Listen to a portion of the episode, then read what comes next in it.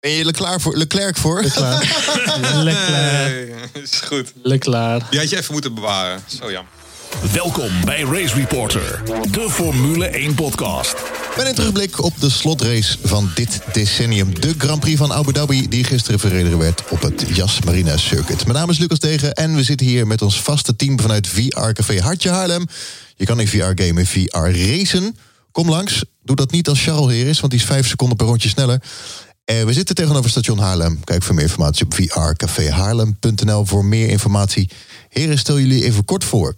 Ik ben Charles Elving, 32 jaar, marketingmanager, motorsportavonturier. En eh, ik doe ook een stukje eh, fotografie.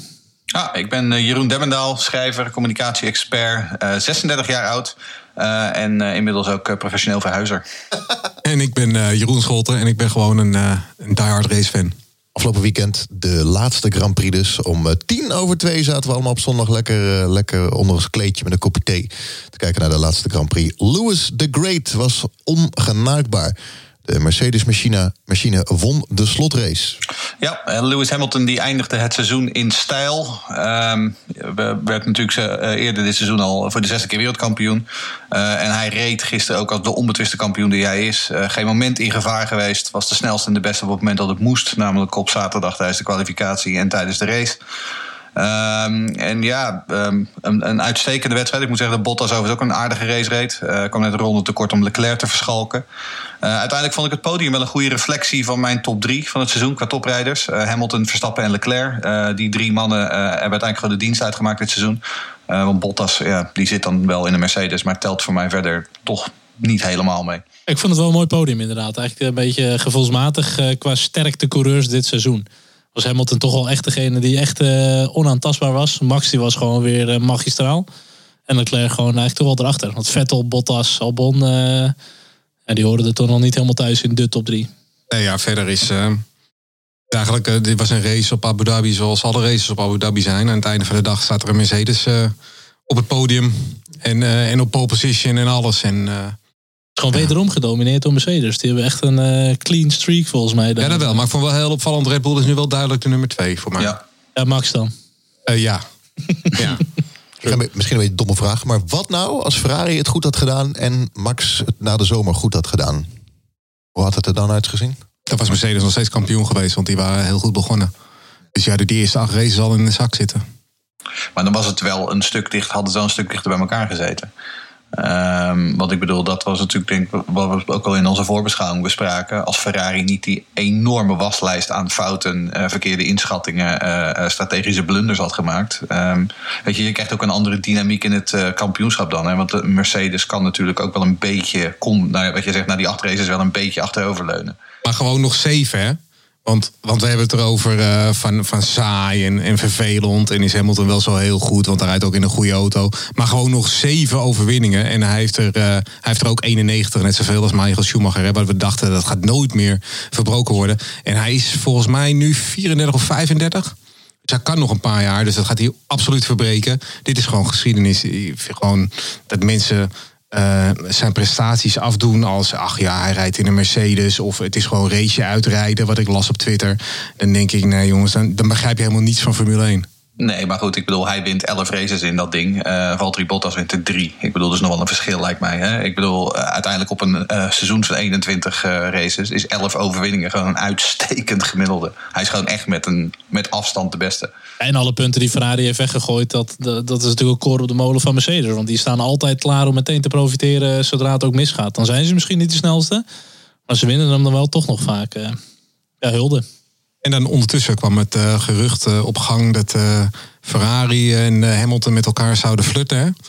Iedere week een rol op. Ja, dat is iedere week. Maar met elkaar ook gewoon. Ja, volgens Cassetta dello Sport heeft Lewis al twee keer met, eh, met Elkan gesproken. De, de opper, opper, opperbaas. Ja, ik, eh, eh, Hamilton wilde het niet ontkennen overigens. Bevestigde het natuurlijk ook niet, maar dat zou hij sowieso nooit doen. Eh, en ondertussen zegt Binotto dan... ja, hij is een interessante optie, maar ja, wat moet hij anders zeggen? Ehm, ja, heel veel hangt af, denk ik, met wat Toto Wolff ook gaat doen. Ja, maar en, en weet je, ik, met dit soort verhalen, ik heb het lange tijd heb ik het een beetje voor waarheid eh, of voor halve waarheid aangenomen. Maar inmiddels begint er wel zoveel rook te ontstaan dat er wel ergens misschien een vuurtje moet zijn. Um, en bedenk je dit, hè? wat zou er mooier zijn dan het voor Hamilton, uh, dan het record van Schumacher verbreken bij het team waar Schumacher dat record neerzette? Ik bedoel, ik, ik kan dat als uitdaging, kan ik, uh, kan ik me wel voorstellen dat hij dat zou waarderen. Ja. Goed, we hebben dan ook een vraag binnen van Relief. Die zegt ook, uh, waar zien we Hamilton, Vettel en Verstappen rijden in 2021? Uh, en stiekem nog een tweede vraag. Blijft Mercedes ook in 2020 dominant? Nou, ik denk sowieso dat Mercedes nog wel redelijk dominant gaat blijven in 2020. Omdat het gewoon een doorontwikkeling is van de huidige reglementen. Ja, ze zijn nu gewoon uh, verreweg het meest consistent, het snelste. Ze komen gemiddeld op alle banen wel redelijk uit de verf. Ik zie dat niet zomaar veranderen. Maar goed, Red Bull, Ferrari kan er altijd wel wat meer druk op gaan zetten. Ja, qua 2021, dat is zo moeilijk voorspellen.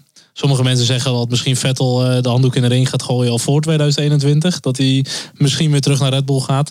Ja, Max zou je ook graag naar Mercedes willen. Maar goed, wat doet die Mercedes in 2021? Ja, het is allemaal speculeren. Over Vettel en Leclerc gesproken. Hoe lang is het geleden dat de nummer 1 rijder is verslagen door de nummer 2 rijder? Bij Ferrari bedoel je? Nee, maar überhaupt. Ik bedoel, Hakkinen die Senna verslaat. En... Rosberg? Nee, uh, Vettel en Ricciardo toen de tijd bij ja. Red Bull. Ja, maar ook Rosberg ja. Hamilton. Ja, dat, die hebben niet helemaal een 1-2... Uh... Had Rosberg het maar niet horen dat hij tweede rijdt? Wij zeggen dat hij eerste rijder was bij Mercedes nou, dan? op papier niet. Uh, nou ja, uh, op papier was, was Verstappen vorig jaar tweede rijder, maar versloeg Ricciardo. Want hij het, het ja, okay. gele cameraatje boven zijn auto. Het weekend van Max overtuigend naar de derde plek in het WK. Ja, genoten van Max. Vooral met, uh, in combinatie met Leclerc. Ik, ik vind dat altijd uh, speciale gevechten, die twee. En uh, op Silverstone hebben we natuurlijk heel veel rondes gezien van, van dit duel. Nu zagen we het maar kort. Maar wat we zagen was wel heel intens.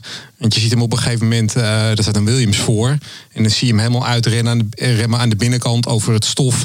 Daar moet je behoorlijk veel commitment voor hebben. En vervolgens, aan het einde van het volgende rechte stuk, zie je Leclerc dan weer buitenom. Uh, buitenom komen. Eigenlijk van veel te ver weg. Eigenlijk kansloos, maar die wil zich ook niet gewonnen geven. Het zijn echt. Het zijn echt mannetjes. Ja, maar ze lieten elkaar wel leven. Voor ja, en dat zijn echt de gevechten waarop je ziet van... dit zijn geen Bottassen of Hulkenbergjes, met alle respect voor die jongens. Dit zijn, dit zijn echte jongens, echte vechters... die, die, voor iedere, die, die, die zich gewoon niet gewonnen willen geven. En dat vind ik, vind ik gewoon heel mooi. Toch heeft Max ook wel weer misschien net iets meer ervaring... met dat racecraft, dat inhalen, dat wheel-to-wheel battle...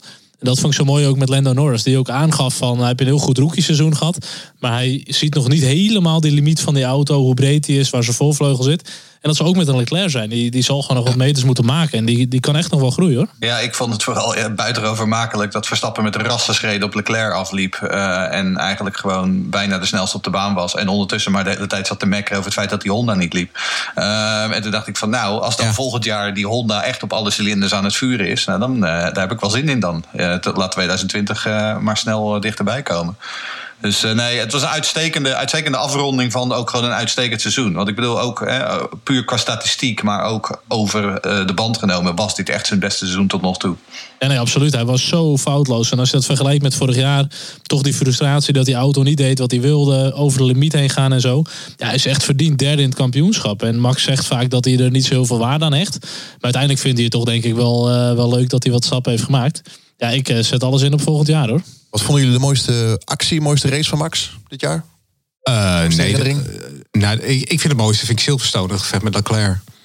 Ja, ik vind echt Oostenrijk. Dat hij toen die poepstart had. En uh, zoveel Nederlanders die daar zitten. En dan uiteindelijk gewoon op race pace gewoon toch naar P1 toe rijden. Dat is echt bizar. En die actie met Leclerc toen nog een beetje richting het einde van de race.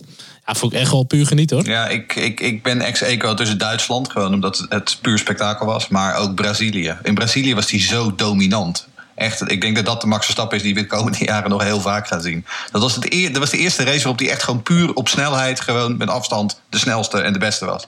Ja, en, dat, en Hockenheim, wat je al zegt, die vond ik ook wel echt fantastisch. Gewoon die weersomstandigheden, de hele wedstrijd was gewoon echt waanzinnig gewoon. Ja, en dat Max er dan als beste kon bovendrijven, dat, uh, dat zien we natuurlijk graag als Nederlanders in de regen. Ja, vooral omdat ik met mijn zoontje voor het, uh, voor, de, voor, voor, het podium stond. En mijn zoontje met tranen in zijn ogen met ja. de Wilhelmus. Ja, dat, dat, dat blijf je altijd wel bij. Dat is, dat is, echt het mooiste. Heb je ook een mini poncho dan voor je zoon of niet? Ja, die heeft ook zo'n Ah. klein poncho. poncho senior en junior. Ja, uh, ja, dat krijgen ze vanaf het begin. Vanaf een baby. Ja, ja mooi wel. En laten we Hongarije niet vergeten, hè? Eh, Pole. de pole position is de pole. moest hij hem Ja. even laten gaan. Ja. Hij heeft niet gewonnen, maar hij was wel, reed wel heel sterk. Maar ik wil nog wel even zeggen, hij was niet foutloos, hè, zoals, eh, zoals, zo- zoals jij net zei. Ik vond, nee, maar in het algemeen dit seizoen vond dit ik op seizoen, Spa ja, maakte hij die toch wel, vond ik toch wel minder. In Mexico deed hij een beetje door met de gele Silverstone. vlag. Dus er zijn nog wel momenten. Ja, maar ook Suzuka. Ja. Hij heeft wel wat conflicten gehad, ook op Suzuka en zo. Ja, het is, het is niet foutloos, maar vergeleken met vorig jaar. Hij is echt Ja, wel ja. gegroeid, hoor. En, en ook Hamilton was niet foutloos dit jaar. Dus het, foutjes zijn ook snel gemaakt. En dat is het ook. Kijk, eh, Mercedes, Hamilton, die rijdt vooraan. Dan is een foutje eh, minder snel gemaakt. Als was- toch eh, in gevecht zit. Wat was er op Silverstone dan, Jeroen? Oh, die fout met Leclerc. Door bij Vettel gelost, uitkomen Vettel. Van, eh, bij die pitstraat. Eh, die pitstop. Oh, versloeg ja, eh, ja. met behulp van Red Bull versloeg die Leclerc in de pitstraat. En vervolgens eh, verremde hij zich en eh, ging Leclerc er net zo hard weer voorbij. Ja, inderdaad. Ja. Toen natuurlijk nog Vettel die erachter Ja. knalde. Kon hij niet zo heel veel aan doen. Maar eh, goed, kijk, niemand is zo goed als Grosjean. Dat eh, is nou maar. En dat Lance nou Stroll. Bottas. ja. en Lance Stroll. Bottas die schitterde weer van 20 naar 4. ja, fantastisch. Het was echt weer... eh, Echt weer Mercedes-magie, inderdaad. Ik bedoel, die, die auto die gaat wel hoor. Eh, goede start vanaf P20. Ehm, ja, hij is eh, gestart op de medium, redelijk lang doorgereden. Dus gewoon geprofiteerd van iedereen die een pitstop maakte. Ja, met die Mercedes kom je iedereen gewoon redelijk voorbij op het lange rechte stuk. Uiteindelijk heeft hij zelfs Leclerc nog een beetje vuur aan schenen gelegd. Die had natuurlijk een extra stop nog voor een setje softs. En op zich, Bottas' tempo was niet zo heel slecht aan het einde van de race. Ja, ik had eh, wel mooi gevonden als Bottas misschien toch nog het podium had gehaald. Maar eh, ja, Leclerc op het podium is ook wel eh, wat waard. Ja, jij zegt het nu van het inhalen, maar ja, we gaan het zo meteen nog over de- het uitvalmoment van de DRS hebben. Maar zonder DRS zat hij toch best nog wel lang achter Hulkenberg, hè? Sowieso dat verhaal dat de DRS het niet deed. Ja, maar daar heb ik, zo, ik heb daar zo ook nog wel een dingetje over. Over Hulkenberg en eh, geen DRS. Dat, maar dat komt- zo meteen nog wel. Maar goed, je zag het in, in Brazilië natuurlijk al met die Honda van eh, Gasly. Dat hij toch eh, redelijk trok tegenover die Mercedes. En nu zag je, zie je het ook met die Renault weer. Eh, het gat lijkt wel iets kleiner te zijn geworden tussen de motoren. Maar ehm, ja, er zit nog steeds wel verschil tussen. Alleen inhalen, ja, dat is toch wel weer even iets heel anders. Maar uiteindelijk gewoon een goede race van Bottas inderdaad. Er valt niet zoveel op aan te merken. Ook gewoon een lastig circuit om in te halen zonder DRS. Hè? Want het is natuurlijk, het zijn twee lange rechte lappen. En voor de rest is het alleen maar kort bochtenwerk. eh, bijna allemaal haakse bochten. Er is, ja. Ja. waar moet je iemand Maar, maar uitremmen dat was juist het interessante. eh, op het moment dat die DRS uitviel, je zag dat de calculatie bij de rijders anders werd. Dus je had een aantal van die gasten die voor, dan moet ik even denken, turn 4, 5, die links-rechts, die opeens daar inhaalmanoeuvres gingen, gingen plaatsen. eh, in dat stadiongedeelte, zeg maar. Ehm, en dat is omdat het geen zin meer had om te wachten op het rechte stuk. Dus de hele calculatie in die race wordt anders. En daarom vond ik juist het, het, die periode waarin er geen DRS was, ik vond ik juist wel een interessante inkijk op hoe die jongens daar dan mee omgaan. Ja, wordt toch, je ziet dat hij wat anders opgelijnd wordt. Als ze DRS hebben, dan weten ze toch wel een beetje van ik kom er voorbij.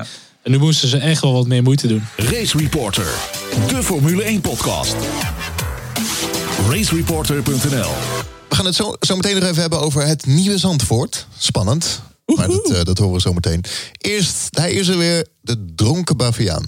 Ja, ehm, nou, we hadden het er net al over dat eh, Lewis Hamilton het seizoen in stijl eindigde als de onbetwiste kampioen. Eh, dat deed ze bij Ferrari ook. Ehm, daar hebben ze hun meest fameuze teamlid eh, stevig aan het roer gezet het afgelopen weekend. Ehm, want het was bij Ferrari weer huilen met de rode pet op. Strategie was vreemd, de bandenkeuze waren vreemd. In Q3 eh, verrekenden ze zich met Leclerc, met, zodat hij niet nog een extra snelle ronde kon rijden. Er was een slechte pitstop. Ik moet zeggen dat de strategie van Vettel qua banden het hele weekend onnavolgbaar was. Ik, ik kon er geen touwen vastknopen. Eh, Leclerc ehm, haalde in de openingsfase Verstappen voorbij. Zat toen perfect voor een eenstopper, maar besloot om om, om eh, eh, verklaarbare reden tot een tweestopper. Die hem uiteindelijk achter Max deed eindigen. Ehm, ik, ja, er was geen touwen vast te knopen, heel simpel. Maar goed, dat is wel een beetje hoe het het hele seizoen bij Ferrari geweest is. Ehm, en ze hebben eigenlijk geluk dat Red Bull maar één eh, coureur heeft. Want anders denk ik dat ze gewoon als eh, derde in het eh, constructeurskampioenschap waren gefinished. Wat ik wel heel goed vond van, van Charles Leclerc, wat ik begreep na kwalificatie. Toen ze natuurlijk in Q2 op de softs gingen rijden, dat hij zelf heeft besloten op een gegeven moment op zijn medium. om alsnog een snellere tijd te gaan rijden, zodat hij met mediums kon gaan starten.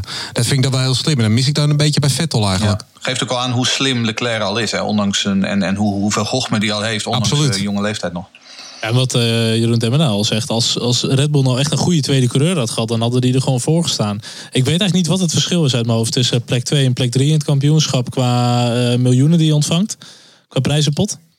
Goed, het kan om aardig wat, eh, aardig wat miljoenen gaan natuurlijk. Zeker schelen, ja. Over, over, over geld gesproken. Een eh, dikke straf voor Leclerc. Ja, meer, meer dan mijn jaarsalaris. 50.000 euro boete. Ja, dat is inderdaad wel eh, even werken voor ons. Maar voor Charles Leclerc en Ferrari is niet zo heel veel. En eh, ja, wat, ja, eigenlijk... Het probleem was niet dat de auto illegaal was of dat er te veel benzine in zat. Het probleem was gewoon dat ze eh, eh, 5 kilo minder brandstof mee hadden, of 4,8, dan dat ze op hadden gegeven. Dat is alles. Eh, het is eigenlijk een formaliteitje. En eh, er was heel veel ophef over op Twitter, want heel Nederland wilde geloof ik dat Ferrari gedisqualificeerd zou worden en misschien wel gekielhaald en met pek en veer eh, verwijderd zou zijn geweest uit het wereldkampioenschap. Maar er was helemaal niet zoveel aan de hand. En ik heb me ernstig verbaasd over de ophef die dan ontstaat. En waarom iedereen maar wil dat Ferrari gedisqualificeerd wordt om dit. Dit is een niemendalletje. Het is niks. En het heeft ook niets te maken met de fuel flow gate. En ja, ik, ik, ik heb me er echt over zitten verbazen. Hoe, maar hoe kan zoiets? Formule 1 is toch, Nou ja, hoe kan zoiets? Ferrari maakt continu fouten. Dus, Hoe kan dat, ja.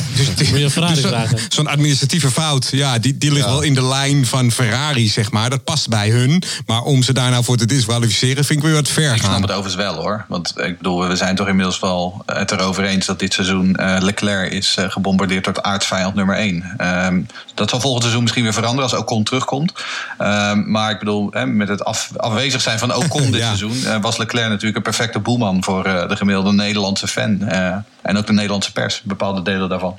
Want ik had er ook een discussie over op Twitter. Maar eh, het, is, het is niet zo dat ze met te veel benzine wegreden. Hè? Dat is gewoon niet zo. Dus het was ook geen illegale auto. Dus ik vond de ophef wat overdreven. Arjen vraagt dan ook: geldstraf voor Ferrari, heeft dat wel nut? Want een straf moet toch pijn doen? Ja, maar.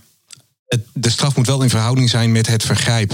Kijk, als je met meer dan 110 kilo rijdt, dan is het een ander verhaal. Maar dat was niet het geval. Dus ik vind het een keurige straf. De strijd om de Formule, eh, Formule anderhalve klas. Ja, de show. Formule ja, dat- 1.5. Ja, dat is iemand die op Twitter die dat bijhoudt, toch? Ja, Formule 1.5 is dat. eh, dat is echt een leuke Twitter-account. Die doen ook echt alles in de, in de stijl van Formule 1. Maar dan eh, filteren ze de top 6 rijders zeg maar, eruit. Of de top 3 teams. Dat is dat wel even leuk om te volgen. Hey, Carlos Sainz is eh, uiteindelijk eh zesde in het kampioenschap geworden. En dat vind ik wel, eh, wel echt heel erg tof. Dat hij gewoon eigenlijk de twee parttime coureurs van Red Bull, Gasly en Albon, dat hij die gewoon voor is gebleven. En wat ik nog frappanter vind, is dat Sainz, die heeft gewoon in zijn eentje meer punten gescoord dan eigenlijk elk middenmootteam, zeg maar, wat niet bij de top 3 zit. Renault die heeft maar 91 punten gescoord en Sainz heeft in zijn eentje heeft er 96 gescoord. Ja, vind ik best wel tof. Daar hebben het echt een mega goed seizoen gehad. Ja, en Gasly, Albon, ja, we weten hoe dat is gegaan. eh Gasly heeft ook meer punten dan de rest. Dan Ja. de teams. Ja. Ja, maar goed, ja, die heeft natuurlijk nog wel in een Red Bull gezeten. En eh, Albon heeft gewoon eh, bij Red Bull een redelijke tweede seizoenshelft gehad. Goed, ze hebben Carlos Sainz niet in kunnen halen. Nee, ik, ik zei het gisteren op Twitter al. eh, Carlos Sainz is denk ik gewoon mijn man van het seizoen. Ehm, eh, ik bedoel, hij rijdt natuurlijk niet in de Mercedes, rijdt niet in een Ferrari of in een Red Bull. Maar ehm, de manier waarop die man eh, is opgestaan ehm, en, en de leiding heeft genomen bij McLaren. En die, die, die hele ploeg naar voren heeft getrokken. En constant, eigenlijk constant op het beste van zijn kunnen presteert. Ik, ik ben heel erg onder de indruk geweest van hem dit seizoen. Maar eh, we hadden natuurlijk gisteren wel weer te maken met de Lance-Stroll-factor. Hè? Want Pierre, Pierre Gasly komt nu één puntje tekort. Maar die was gewoon dik in de top 10 gefinished, denk ik. Gezien Fiat en alles. Ja, Dus eh, maar ja, Stroll had weer een Stroll-momentje. Maar sowieso, als je eh, gewoon McLaren ziet dit seizoen, eh, hoe ze eigenlijk wel weer aan het opleven zijn met Nee, die geweldig. volledig nieuwe line-up. Eh, geen Alonso meer. En dan, dan zit er nog veel meer in het vat als ze met Mercedes gaan rijden. Ja, jij, was gisteren bij McLaren, geloof ik? Ja, bij Lauman Exclusive eh, was inderdaad. eh, ze zijn nu bezig met een soort van Nederlandse McLaren fanclub. En daar waren wij ook uitgenodigd om daar een, een, kijkje te komen nemen. Ja, dat was op zich wel leuk. eh, dus wellicht nog eh, dat er wat leuke uitjes aan zitten te komen.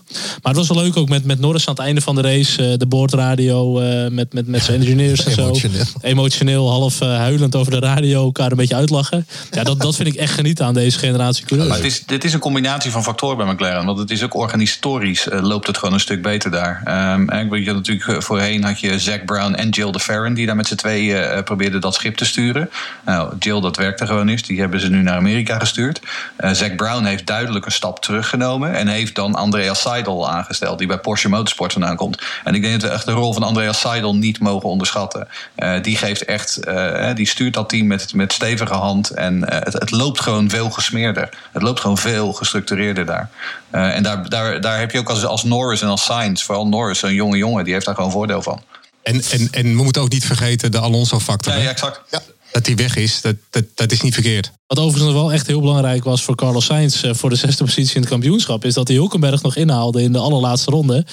Dat is typerend voor zowel Sainz als voor Hulkenberg. Ja, inderdaad. Ehm, vraag van Wesley gekregen. Waar was Albon? Nou, Albon was waar hij altijd was. Namelijk een klein stukje achter eh, Max Verstappen. Eh, en die was eh, netjes op weg om vijfde te worden. Ehm, en toen werd hij op het allerlaatste moment alsnog ingehaald door eh, Valtteri Bottas. En dus werd hij zesde. Ja, Ja, klein, klein stukje, klein stukje. Voor mij met, met, met 16 ronden zat hij al eh, 15 seconden erachter. nee, ik heb, zo. dat, in, ik, heb dat, nee, ik heb dat in de gaten gehouden. Want ik wist dat jullie hier weer mee gingen komen. Dat is dus niet zo. Hij verloor niet weer een seconde per ronde. Hij verloor minder dan dat. Ja, het was 18e maar. Het, het, het was 6 à 17e, maar goed, vooruit. Gaan we hem Al, Albottas noemen of nog niet? Nee. Nee, nee, nee, doen we nog niet. Want hij, hij, hij race heel anders. Want, want dat momentje met Vettel, dan, dan remt hij weer heel laat zichzelf Ja. weer terug voor Vettel. En dan gaat, Ja. Maar wat ik dan zo erg vind, dan gaat Vettel daarover lopen Ja, dat zeiken. was nog het ergste. Net als Grosjean, net, net als Grosjean in de vrije training achter Fiat. Dat vind ik verschrikkelijk. Dan gaat hij heel overdreven remmen en naar binnen sturen. En dan roepen van, oh, ik spin bijna. Jezus, man. Doe toch normaal. Er is ook nog een ander kampioenschap. Is dat ook op Twitter? De, het, eh, het strijd om de Formule 1,6. Wat is dat dan? Ja, zo noemen wij het gewoon. Oh, oké, zo hebben we zelf bedacht. Ja, dat betekent dus dat eh, Sergio Perez slechts twee punten achter Ricciardo eindigt. Ehm, en ehm, die eh, wordt daarmee tiende in het wereldkampioenschap met 52 punten. En dan staat hier in ons draaiboek de vraag: wordt Perez niet heel erg onderschat? Eh, ik weet niet of dat van mijn grote vriend Jeroen afkomt, want wij hebben nog wel eens wat discussies gehad over Perez. Ja. Ehm, ik denk Zeker. dat hij lang niet altijd op waarde wordt geschat. Ja, dat heb ik volgens mij wel eens eerder gezegd. Wordt zo onderschat. Kijk, een absolute topper is het niet. Ik denk dat hij nooit echt in aanspraak zal komen voor een plek bij Mercedes, Ferrari, Red Bull. Ehm, maar hij is wel gegroeid ten opzichte van de Perez die ooit door McLaren te licht werd bevonden. Eh, het contrast met Stroll in de races is over het algemeen heel enorm. Ehm, en ja, ik, ik bedoel, tiende plek in het WK. Wat mij betreft hoort hij bij de beste tien van het veld. Ehm, dus in die zin, ja, ik, eh, ik, ik denk dat, hij, dat dit een eh, goede reflectie is van, eh, van Sergio Perez dit seizoen. Nou, Jeroen, eh, zou, zou dat geen goede tweede rijder zijn voor, eh, voor Red Bull? Ja, misschien wel. Ik denk dat, ja. Een Mexicaanse afzetmarkt. Nee, maar eh, gewoon een soort van Bottas. Ja, Gewoon als tweede rijder de punten oppakken die je moet pakken. En af en toe is, eh, af en toe is iets meer. Welke vel zijn. Mexico Hmm. is ook wel een redelijke afzetmarkt misschien voor eh, Red Bull. Ja, Ja, weinig fouten. natuurlijk ook wel flink wat, eh, flink wat cent uit, die, eh, uit, uit Mexico. Wat hij mee kan nemen bij Red Bull natuurlijk. Ja, natuurlijk. Is Perez niet een tweede Nico Hulkenberg? Nee, absoluut niet. Hij is veel, veel meer, eh, veel feller. eh, wat, wat Charles zegt in de duels. Ik bedoel, Perez is echt een fighter. En daarbij gaat hij af en toe nog wel eens. Dat was natuurlijk vooral in de Ocon-dagen. Dat ze samen bij Force India zaten. Ging dat nog wel eens een beetje over het, over het randje. Maar ik bedoel, het is wel iemand die echt kan stampen. Eh, en gewoon, wat ik, wat ik al eerder gezegd heb, ik vind dat hij dit seizoen het maximaal uit die Racing Point gehaald heeft. Want veel meer zit er volgens mij niet meer in. Toch heeft Perez eh, eh, ten opzichte van Hulkenberg wel die kans bij een topteam gehad. Alleen eh, ging dat niet helemaal naar wens daar natuurlijk bij McLaren. Ja, maar hij kwam ook echt binnen op een moment bij McLaren dat, het, eh, dat McLaren in vrije val verkeerde. Ehm, en hij zat naast Lewis Ja. Hamilton, als ik me, als ik me niet goed eh, herinner. En zo slecht deed hij het niet. Nee, dat Button, hè? Oh, ja, naar Button. Ja, je hebt gelijk. Ja, ja je hebt gelijk. Hij zat naast Button. Ja. Maar zo slecht deed hij het niet dat eerste seizoen. Maar ze, ze, ze gaven hem ook geen kans om dan in het tweede seizoen verder te groeien. Hij werd meteen al eh, overboord gezet. Dus ja, misschien was dat ook gewoon te vroeg. Race Reporter. Zijn laatste race, Driver of the Day. De Formule 1 podcast. Nico Hulkenberg. Het is toch leuk om die, om, die, om, die, om die jongen gewoon even zo uit te zwaaien. er, er waren al wat oproepjes volgens mij op de social media om hem even te gaan stemmen als driver of the day aan het einde Ja. van de dag. Ja, dat is leuk. Ze hadden ook voor de teamfoto hadden ze allemaal een Hulkenberg pruik opgedaan. Eh, oh, dat is zo leuk natuurlijk. Om die jongen even gezellig uit te zwaaien hoe slecht hij is geweest. Toen hij in die race begon, moest ik denken aan David Coulthard in eh, Brazilië, zijn laatste race. Die in de eerste bocht er aflag. Ja, ik dacht, die- oh... Dat Die speciale Wings for Life Ja, livery had hij ja. toen. Super vet. En, ja. en zijn camera op zijn helm. Maar dit heb je bij heel veel rijders gezien die in hun laatste race eh, de finish niet hebben gehaald. Ik dacht, Ja. mag dit- alsjeblieft laat hem finishen. Maar het is hem gelukt. Ja, buiten de punten, zoals eh, bij die hoort. Ja, en voor mij is het eh, de, de coureur die de meeste races heeft gereden zonder podium, toch? Ja, ja, En met dat afstand. heeft- Zeker. De Luca Badoer van Met de afstand, ja. podiumfinishers. Ja. Ja.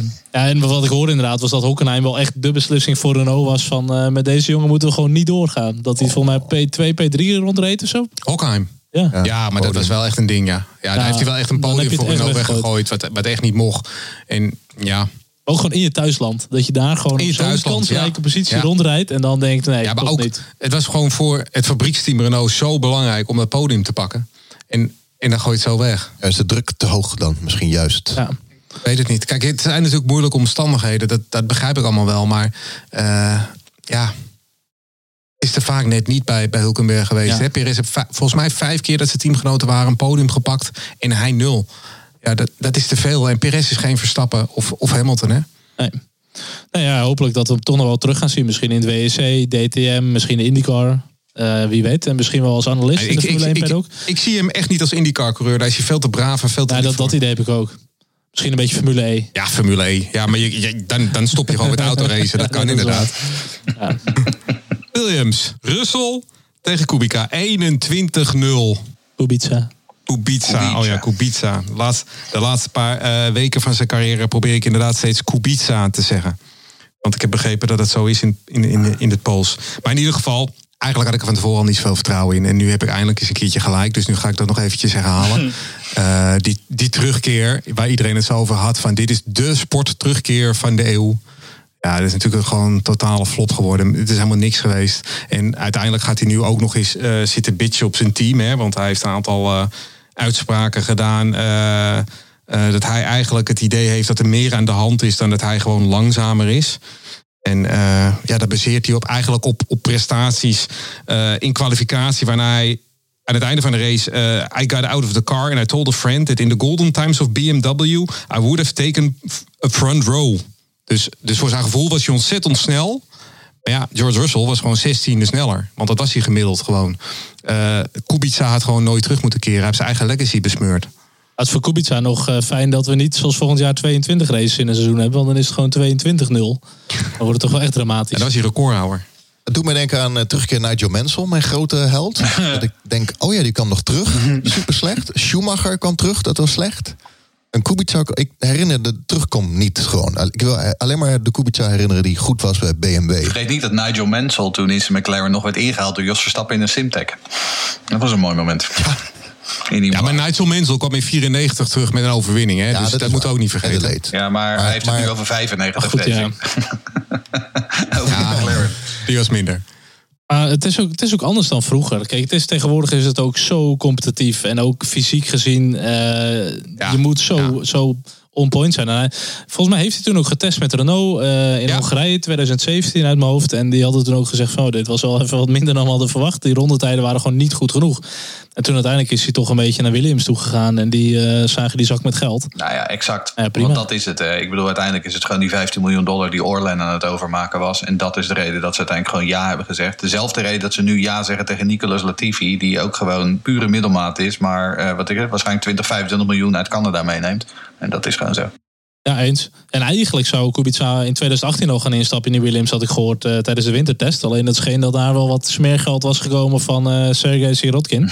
Waardoor hij toch even een jaartje eh, nog even moest wachten. Maar voor de positieve kant bekeken, George Russell is gewoon een heel groot talent ook. Hè? Want dat is natuurlijk de andere kant. Niet vergeten. Nee, dat moeten we zeker niet vergeten. Hij gaat nu twee keer achter elkaar testen voor Mercedes. Hè. Komende, komende week gaat hij naar Abu Dhabi. En hij gaat ook, Snuffelstage. ja, gaat, ja, soort van. En hij gaat ook de bandentest doen, geloof ik, voor Pirelli in de Mercedes. Uh, maar uiteindelijk, uh, Toto Wolff heeft ook al gezegd... wij zien hem als een toekomstig Mercedes-rijder. Maar deze George Russell in de Williams kan hij zich niet echt onderscheiden. Kan zelfs geen, geen, geen pieken uh, creëren, zeg maar. Maar als je kijkt naar zijn carrière voor de Formule 1... dat is echt een, een super mega groot talent, hoor. Dus op zich is het geen schande om daarvan te verliezen. Dwarsstraat. Als Lando Norris op termijn wordt weggekocht bij McLaren... En McLaren heeft vervolgens een Mercedes achterin liggen. 2021, George Russell in een McLaren. Maar dat is uh, zeker niet uit te sluiten. Maar ik heb Max Verstappen in de McLaren ook wel eens gezegd. Ja, er gaan natuurlijk wel wat geruchten dat ook uh, McLaren wellicht het fabrieksteam van Mercedes gaat worden. Ja. Maar goed, uh, waar Red Bull best wel tekort heeft aan talent op dit moment. Ferrari, volgens mij de halve Formule 2 grid is talent op dit moment. Nou ja, maar er zit ook Giuliano Alesi tussen. Dus talent en, er is talent en talent. Ja, oké, okay, niet allemaal talent. Maar goed, Ferrari die zit er vrij, eh, vrij goed in. En Mercedes natuurlijk ook wel met, met Ocon. Nou, die is nu dan wat, eh, wat weg. Die gaat naar Renault toe. Ehm, ja, ik denk dat Russell wel eh, de, de beoogde opvolger moet gaan zijn voor Bottas. Of misschien ooit voor Hamilton. Eh, we gaan het zien. Ja, vergeet eh Grosjean niet, hè? Dat is een topper. Ik voorspel dat, dat de Grosjean ermee gaat stoppen en dan terugkomt. Ook met een comeback. Maar dan echt na tien jaar dan of zo. tien jaar. Ja. Ik heb altijd het idee dat jij, dat jij Grosjean niet zo serieus neemt als Hoezo? rijder. Ja, dat idee Ja, krijg ik ik altijd. kijk ook al een beetje, ja. ja. Klein beetje. Posters Ja. aan mijn muur van die man. Ik heb een Grosjean dekbed. Alles heb ik van hem. DRS gingen we het erover hebben. Dat viel gewoon uit, deed niet. Eh, Is het gehackt door een van de Rus? Of wat was er aan de hand in hemelsnaam? Ja. Als er geen update gedaan, draait het nog Windows zat erachter, 7. Ja. Blue screen. Ehm, ja, nee, het was schijnbaar, schijnbaar een server eh, doorgebrand te zijn, waardoor het eh, 20, 25 ronden lang eh, niet doorging. Ehm, en ehm, een van de dingen die inderdaad opviel was dat eh, Hulkenberg, waar we, het, net zo eerder al even over hadden, Hulkenberg die eh, rondelang drie eh, toprijders achter zich hield. Dat waren Albon, Bottas en, eh, en Vettel. En dit is ook wel een beetje een, een dingetje met DRS. Want Hulkenberg gaf relatief een masterclass in hoe je goed verdedigend rijdt. Maar dat is namelijk wat je, wat je kunt doen als je geen DRS hebt. Dan kun je gewoon door gewoon goed eh, je lijnen te rijden... ehm, kun je, kun je eh, snelle auto's achter je houden. Enrique Bernal die deed dat ooit met eh, David Coulthard. Nou was dat in Monaco. En tegenwoordig is Monaco eigenlijk de enige plek nog... waar je dit, dat kunt doen. Dat hebben we eerder dit seizoen tussen Hamilton en Verstappen gezien. Ehm, maar de schoonheid van goed je positie behouden, dat is ook een kunst. En dat liet eh, Hulkenberg be- best goed zien. En in het DRS-tijdperk zien we dat eigenlijk bijna nooit meer. Ehm, en daarom. Ja, maar goed, Hulkenberg is ook de koning, koning in het verdedigen. Want die jongen die kan natuurlijk nooit aanvallen. Dus je moet wel iets kunnen uiteindelijk. Ja, ja, dat Nou, is dat is, natuurlijk dat is ook. relatief, relatiefie, is dat. Relatief, ja. Oh, zo flauw. Zo flauw. Maar goed, hoe dan ook. Ik vond het wel vermakelijk. 20 rondjes geen eh, DRS. Ik vond het eh, leuk om naar te kijken. Wat ik al eerder al zei, eh, zowel Leclerc als Bottas die haalden dus ergens anders in. In plaats van alleen maar op dat lange rechte stuk. Ehm, eh, dus ja, het, ehm, ik, het, het, ehm, in 2021 moeten we alleen maar meer van dit soort werk gaan zien. En daar ben ik wel benieuwd naar. Maar het is ook wel een beetje, nu eh Bottas dan van achter kwam, dan was het wat spannender. Normaal was hij er met DRS nog sneller langs gegaan. Maar als je een kwalificatie zou hebben dat iedereen eigenlijk op de positie staat waar, eh, waar ze qua snelheid horen, dan, dan heeft het alweer wat minder zin natuurlijk. Maar goed, ook met pitstopstrategie. Ja, ik vind op zich wel, eh, zonder DRS was wel even oké zo. Ja, al moet je altijd afvragen als je in plaats van eh, Bottas iemand achter je hebt die wel kan inhalen, wat er dan gebeurt natuurlijk. Want Bottas is natuurlijk niet werelds allerbeste inhaler. Hè? Die Niet? heeft doorgaans, ja, die heeft doorgaans al moeite om een curbstone in te halen. De Formule 1 podcast. Race Reporter. Dan vandaag een, een, een, een fris dagje. En eh, onze correspondent eh, in Zandvoort is daar naartoe gegaan met een regenjas en een sjaal om. Sjaal, vertel. Eh. Er was een, eh, een press conference vandaag. En eh, zou, kun je het binnen een uur eh, houden, dit verslag? Ja, mand gewoon. mand. Het was een soort van media-update op Zandvoort om even iedereen te updaten wat de plannen zijn, wat er aan zit te komen. Ehm, nou ja, op zich wel, eh, wel interessante dingetjes bij. Eh, onder andere bij de Tarzanbocht eh, een uitloopstrook. Maar dan eigenlijk alleen maar aan het begin van de bocht. Dus als stel je zou het rechte stuk rechtdoor gaan, dan pak je nog een stukje uitloopstrook mee. Als je eigenlijk de bocht ingaat en je gaat wijd, dan sta je gewoon in het grind en dan ben je gewoon klaar. Ik vind dat op zich, we hebben wel vaker die discussie gehad van uitloopstroken, grindbakken. Ik vind dit wel een, een, een mooi compromis eigenlijk. Dat mocht je je echt verremmen, dan kan je eventueel toch nog eh, keren en de baan weer opkomen. Maar ja, de Tarzanbocht is natuurlijk altijd onverbiddelijk geweest. Ehm, verder, de pit exit die komt na de Tarzanbocht. Dus je komt niet meer voor de Tarzanbocht de baan op als je eh, een pitstop hebt gemaakt. Ja, dat was te verwachten. Ehm, de Hugenoldsbocht, dus eigenlijk bocht 3, die krijgt ook een, een soort van banking. Die wordt al wat meer naar binnen toegelegd. Ehm, en wat dan wel heel interessant is, is dat ze een speciaal soort asfalt gaan ontwikkelen. Of eigenlijk ontwikkeld hebben. En dat heet de Flying Dutch. En wat ze daarmee willen is dat je eh, meer grip hebt. En vooral voor een duincircuit natuurlijk best wel veel, veel zand eh, opstrooit. Ehm, en ze willen minder marbles, dus minder rubber wat, daar, eh, wat het lostrekt. En eigenlijk willen ze bijvoorbeeld door zo'n Hugelsbocht dat je daar eigenlijk met meerdere lijnen doorheen kan. Dus dat je er ook kan gaan inhalen. Ehm, ja, ze hebben best wel ingeschat dat er eh, wel flink eh, eh, meer kans is op inhaalacties. En dat is wel positief. En het, het schijfvlak blijft gewoon onaangetast. Zo goed als. Ze hebben nu wel al het grind eruit gehaald. Dat gaan ze allemaal filteren. Dat al het zand wat er in de afgelopen jaren in is ge- gestoven, dat, dat wordt eruit gehaald. Maar het blijft gewoon eigenlijk schijfvlak zoals te kennen met, met de grindbak. Dus dat is wel top. Ja, blijft een grindbak, hè? Want dat vind ik wel Ja. echt heel belangrijk, namelijk in schijfvlak. Ja, absoluut. Niet dat je daar zo opeens een verschrikkelijke eh, strook astroturf krijgt. Ja, en zelfs Jan Lammers die zei al dat er echt eh, eh, dat je iemand bewijs van drie, vier keer per ronde kan inhalen. En dat als je hem eigenlijk al te vroeg in de ronde gaat inhalen, dat hij jou weer terug inhaalt. Dus ze zijn wel heel erg optimistisch. Dat, dat moeten we nog maar even afwachten. Maar ik was eigenlijk wel heel, heel positief. En ook qua mobiliteitsplan hebben ze echt wel heel hard nagedacht. Ehm, Tunnels, Een aantal tunnels. eh. ja, ze zijn ook wel tunnels hebben ze gemaakt. Ehm, dus onder de Arie Luijendijk bocht komen volgens mij drie tunnels. Eh, ook eh, een beetje einde rechte stuk komt er nog een tunnel onder het circuit door. Dus dat, dat ziet er allemaal echt heel erg goed uit. En dat zijn tunnels voor Eh, voor voetgangers met name.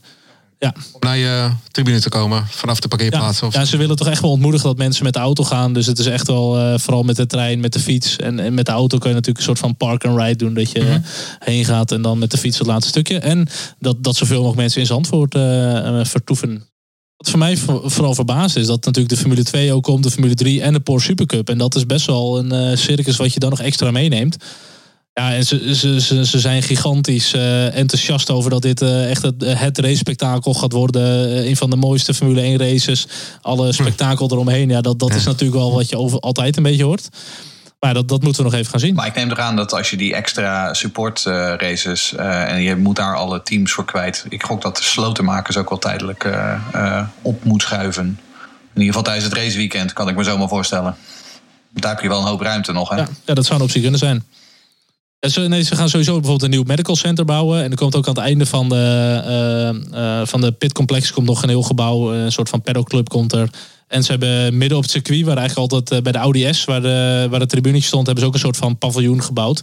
Ja, en alle tribunes worden nog gebouwd. Maar ja, dat is echt bizar. En ook, ehm, eh, ja, ik denk het meest in het oog springende, dat is dan toch de Arie Luijendijk bocht, die een soort van banking gaat krijgen.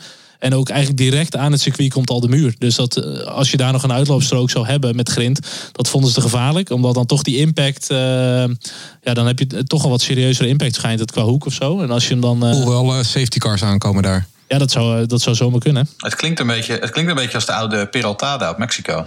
eh, om heel Ja. eerlijk te zijn. Want dat, die, daar zit ook een, een, een lichte banking in. Eh, en waar ze natuurlijk tegenwoordig ook die, meteen die betonnen muren hebben neergezet. Ja, ze willen toch echt wel dat karakteristieke eh, van Hugenholz ooit willen ze wel erin gaan houden. Het echte Zandvoortse. Maar ja, wel even met een modern sausje. Ja, ik was heel positief. En de pitstraat? Ja, die zijn ze ook nog aan het verbreden. Want echt alles is nu weggehaald. De, de pitbox aan de achterkant worden eh, verbreed. Het rechte stuk wordt breder. De pitla, pitlane wordt iets breder. Ja, dus er blijft niks meer over zo En de hoofdtribune komt over het hele grote rechte stuk. Of tenminste, er komt een tribune over het hele grote rechte stuk. Ja, die gaan ze verlengen. Er komen Ja. meerdere tribunes komen erbij. eh. Volgens mij Lucas heeft eh, een beetje aan het einde van het rechte stuk eh, zit hij op de, op Ja, de waar, tribune. ik, waar ik eigenlijk al jaren zit in de duinen. Daar heb ik inderdaad een eh, stoeltje. Tof hoor. Ja. Er staat er al dat stoeltje van jou. Wij zitten in de Marlboro-bocht, hoor. Hoe heet dat ding tegenwoordig? De Ja. Primo of uh, weet ik veel. Ik heb net als op, op eh, Koningsdag heb ik al eh, heb ik zo bezet. oké. Zo heb ik hem met duct tape. Ik heb al ge- Oh, dat is bezet. klaar. En dat de hele duin, dat is nu dus al voor de helft gewoon helemaal weg. Dat Ja, is echt wel bizar. is dat, zeg. en dat is ook wel mooi. Ze, ze zijn alles aan het hergebruiken. Alles wat ze dan weer weghalen aan duin, dat gebruiken ze weer ergens anders. Voor de banking, voor de Luijendijk bijvoorbeeld. En ze zijn natuurlijk ook helemaal eh, green, green, green, om het maar even zo te noemen. Maar nee, ze zijn helemaal eh, eh, milieubewust Ja, natuurlijk. ik wilde net gaan eh. vragen, hoe gaat het met die salamander? Komt dat allemaal goed? Ja, nee, die heb ik niet gezien. Die heb ik niet gezien. Oh. Als je kijkt naar helemaal bovenop het circuit. Er zit van een paar fans hebben daar een soort tuinhuisje. Een soort eh Ja, die is weg. Ja, die dat, is weg. Ja, ja, dat is bij wel schijfvlak. Dat, dat Ah, past niet meer bij de huidige, huidige Formule 1. Ja, maar daar was ik wel bang voor. Ja. Maar kijk, het het moet een grade 1 circuit gaan worden. En dat moet ook voor, voor medisch personeel, voor marshals, voor, voor coureurs, voor fotografen. Het moet gewoon allemaal eh, echt een paar niveaus hoger. Ja, en ik sta er wel van te kijken eh, hoe onder andere Bernard van Oranje dit ooit heeft bedacht al, ik denk vijf, zes jaar geleden. Hoe ze stap voor stap al wat proefballonnetjes op hebben gelaten. eh, de Jumbo race dagen. eh eh, Italia Zandvoort ervoor al. Het is echt een mastermind hoe dit is gedaan hoor. Want het wordt echt mega goed aangepakt. Ze hebben niet eh, Herman Tielke, hè? ze hebben die Italianen ingehuurd, hè? Ja. Aansbureautje van, eh van Toch niet dezelfde die die trein toen hebben gebouwd. Die, Het Dromo is dit. Nee, nee, nee. Vier of een die mislukte trein. Anders Nee, maar nee, Het Dromo die hebben ook Silverstone onder andere gedaan. eh, een beetje het vernieuwen van Silverstone. Dat is wel een goed bureau. Dat is, eh, mensen zijn er positiever over dan, eh, dan Herman Tielke inderdaad. Maar het vernielde Silverstone is natuurlijk gewoon ruk. Maar goed, dat is weer wat anders. Ja. Ja, Gaan we het nu niet over goed. ehm, even terug naar eh, de Grand Prix van afgelopen weekend. Namelijk onze voorspelling. Wie zat er het beste bij? Charles. Charles, Charles. Ja, je had eh, één Hamilton, twee Verstappen en drie Bottas en tien Perez. Oh, dat scheelde toch weinig of dat Bottas nog derde was geworden. Dan dat ik wel gewoon nearly perfect score gewoon. Nou, had je echt de jackpot, ja. Op het volgend jaar gaan we hem even wat, eh, wat uitgebreider opzetten. We gaan Ja. er eens even over nadenken Geld hoe we dat kunnen doen. Ja, leuk idee. Nee, maar ook gewoon met, met eh, iedereen op Twitter en zo. Dat ze misschien eh, iets kunnen invoeren. Ja, oh, ook. Dat is wel leuk om die wat... eh En dan gaan we een race reporter t-shirt verloten. bijvoorbeeld. Ja. Toch? ik zie dat mensen hier heel enthousiast reageren. Ik kijk even naar de penningmeester, natuurlijk. eh. Oh, Race Reporter, de Formule 1 podcast. Racereporter.nl Goed, we hebben nog wat, eh, wat, wat overige vragen binnengekregen. Ja, Ties Roodhart, die, ehm, die vraagt... ehm, nou ja, die, die, die eh, daagt ons eigenlijk uit voor een spelletje. Die zegt, laten we eens teambaasje gaan spelen. Eh, kies uit seizoen 2019 je coureurs, de motor, de chassis en je teambaas. Maar je mag geen chassis, teambaas of coureurs kiezen van de top drie teams. Wie zouden jullie dan kiezen? Ehm, nou, ik zal beginnen. Ehm, ik, ik speel nog wel met enige regelmaat voetbalmanager. Ehm, en ik hou er altijd van om jonge talenten te ontwikkelen. Dat doe ik vaak. Ik begin bij een kleinere club en dan probeer ik op te klauteren. Met jonge spelers. Dus ik zou gaan voor een McLaren chassis met een Mercedes motor. Uh, Seidel als teambaas, die hou ik aan. En dan zet ik Russell en Norris eh, in die auto. Best een prima keuze, toch? Vind hem goed. Ik zou, eh, ik, ik, ik zou ook voor Norris en Russell sowieso gaan. eh, qua motor. De, de, nee, even denken hoor. Geen chassis of teambaas van de top 3. Ja, dan, dan zou ik sowieso voor de Mercedes motor gaan. Het chassis van McLaren was gewoon supergoed. En dan zou ik gewoon Claire Williams neerzetten. Gewoon om te kijken wat een puinhoop dus ervan gaat maken uiteindelijk toch nog. Ja, de, als teambaas zou ik het liefst de Briatore terughalen, maar dat gaat hem niet worden. Eh, nee, doe dan maar eh Seidel. En die dan met een ehm, eh, McLaren chassis en een eh, Ferrari motor, maar dan wel de illegale Ferrari motor van een paar races geleden, die harder ging. Is dat met of zonder extra brandstof ook nog? En Nee, met extra brandstof. Oh, ja. ook. ja, nee, volledig illegaal allemaal. En dan eh eh Sainz en, eh, en Russell. Bij mij maakt het niet uit. Ik wil, als het maar Grosjean is, dan ben ik al, lang- al blij. Ja. Vraagje binnengekregen nog van Daniel. Ja, hij zegt eh, geen inhoudelijke vraag deze keer. Wat vinden jullie van jaarclips? Ik, ik heb normaal wel dat je aan het einde van het jaar dan toch wel een beetje, als je dat weer terugziet, dat je denkt, potverdikkie, wat was het weer een, eh, fantastisch jaar of zo. fantastisch. Ik vond hem, ik- ik- het ligt misschien aan mij, maar ik vond hem dit jaar niet zo fantastisch. Ik vond eh, een jaarclip van mij mag best wel chronologisch zijn. Dus dat hij van begin naar eind gaat en dat je het een beetje opbouwt. Maar goed, de opbouw was dit jaar niet zo spannend. En ja, kijk, ze hebben het heel leuk gedaan hoor. Maar al die extra effecten en bliksemschichten en weet ik het wat en zo. Ik heb liever gewoon rauwe actie, crashes en, en weet ik het wat voor mooie momenten. Het was voor mij net even too much. Ja, nee, ik, eh, de mooiste jaarclips zijn nog steeds die uit de RTL 5 tijd. Eh, degene die mij nog steeds heel erg bijstaat is eh, volgens mij 1998. Want dat was namelijk met die massacres Ja, op Spa. Queen. En nee, dat was niet Queen, dat was Whitesnake met Here I Go Again on My Own. Ehm, dat vind ik Oh. nog steeds de mooiste jaarclip die RTL gemaakt heeft. 2006, 2005 met eh U2. Ja. Hebben ze allemaal. Maar je zou toch denken dat ze tegenwoordig zoveel beeld hebben dat, dat ze er echt wel iets tofs van kunnen maken. Maar ik vind ze tegenwoordig gewoon veel minder tof. Een beetje, een beetje generiek of zo. Een mengelmoes van alle shit die is gebeurd of zo. Maar er zit totaal geen consistentie in. In ieder geval, de, we, we hebben heel veel van die oude clips staan nog op eh, YouTube. Eh, maar Jeroen Scholte, je bent op Van Stil. Ja. Oh ja, ik vond hem wel een aardige clip. Ja. Moet ik, eerlijk zeggen, ik moet wel zeggen dat chronologisch zat er wel ingemogen voor mij. Want je, het was een beetje alles door elkaar heen. Maar ik vond het op zich wel een aardige clip. Ja, en, en ja, met die effecten erbij. Ja, dat is de moderne tijd, jongens. Je- Ik ben de Wacht, oudste wacht, hier. maar nou mee ik ben de oudste tijd? hier. Maar ja, eh, ik vind wel dat jullie een beetje mee moeten gaan met jullie tijd, hoor. Ja. Maar het wordt zo gehyped en opgepimpt. Dat ik denk, het, eh, je kan het van zichzelf al met al die toffe momenten. Kan je het al best wel wat, wat van maken volgens mij hoor. Ja, exact. Spectaculaire beelden en een goede, goed eh, stuk muziek eronder en klaar ben je. Daniel, nog een vraag. Ja, wat vinden jullie van al die fake accounts op Twitter van bijvoorbeeld Binotto en Steiner? Ja, er was, eh, dit weekend was er weer eh, eentje, een fake account van eh, Binotto. Die ging geloof ik op zwart. Die had Twitter geblokkeerd. En toen kwam hij terug op een andere account met een bericht dat Binotto dood zou zijn. Ja, dat Dus het was wat onsmakelijk allemaal. Ja, Dat ik, ik heb helemaal niets met die fake accounts. Dat begon ooit met fake Charlie Whiting. Die was echt heel leuk. Ja, die was leuk. En daarna kwam allemaal Fake Ted troep. Kravitz, vind ik ook ja, grappig. nee, dat vind ik ook helemaal geen reet aan. Nee, dan komt hij met een stom pijltje van hier is een band ligt eraf. En dan gaan we met z'n allen collectief lachen. Ha, ha, ha, ha, Maar ik dacht dat jij net een beetje meeging met de ik tegenwoordige tijd. moet een eh, beetje meegaan met de tijd. En dan ben ik ooit door, eh, door, door vriend Rob van Gameren beschuldigd van het hebben van een fake account over Jack Ploy. Oh, dat- ik nog wel. Ja, Ik heb echt een pleurenzekel aan dat soort accounts. Maar goed, nee, klopt, is ook ons. ik vind echt helemaal niks. Nee, ik vind als je het, eh, zoals die eh, eh, fake Charlie Whiting, die deden het nog echt wel leuk of zo. Maar inderdaad ook die fake Olaf Mol en Jack Ploy, flikker toch Ja, op, weet is- je wel. Laat die gasten gewoon een ding doen. Je mag er best wel kritisch over zijn, maar die, die nep-accounts, joh, dat voegt er helemaal niks toe, man. Ga wat doen met je leven. Ik, heb, dan heb ik, nog een, dan, ik heb dan nog een nieuwtje. Dat account van Louis Dekker, hè? dat is Louis Dekker niet. Nee? Nee, dat Nee, is fake Louis dan? Dekker. Fake Louis Dekker. Want dat, dat is helemaal bizar, dat dan dus de echte account van een nepper is of zo. Ja. Louis Dekker is ook helemaal niet grijs, hè? maar Louis Dekker is helemaal niet grijs. Je hebt zwarte krullen.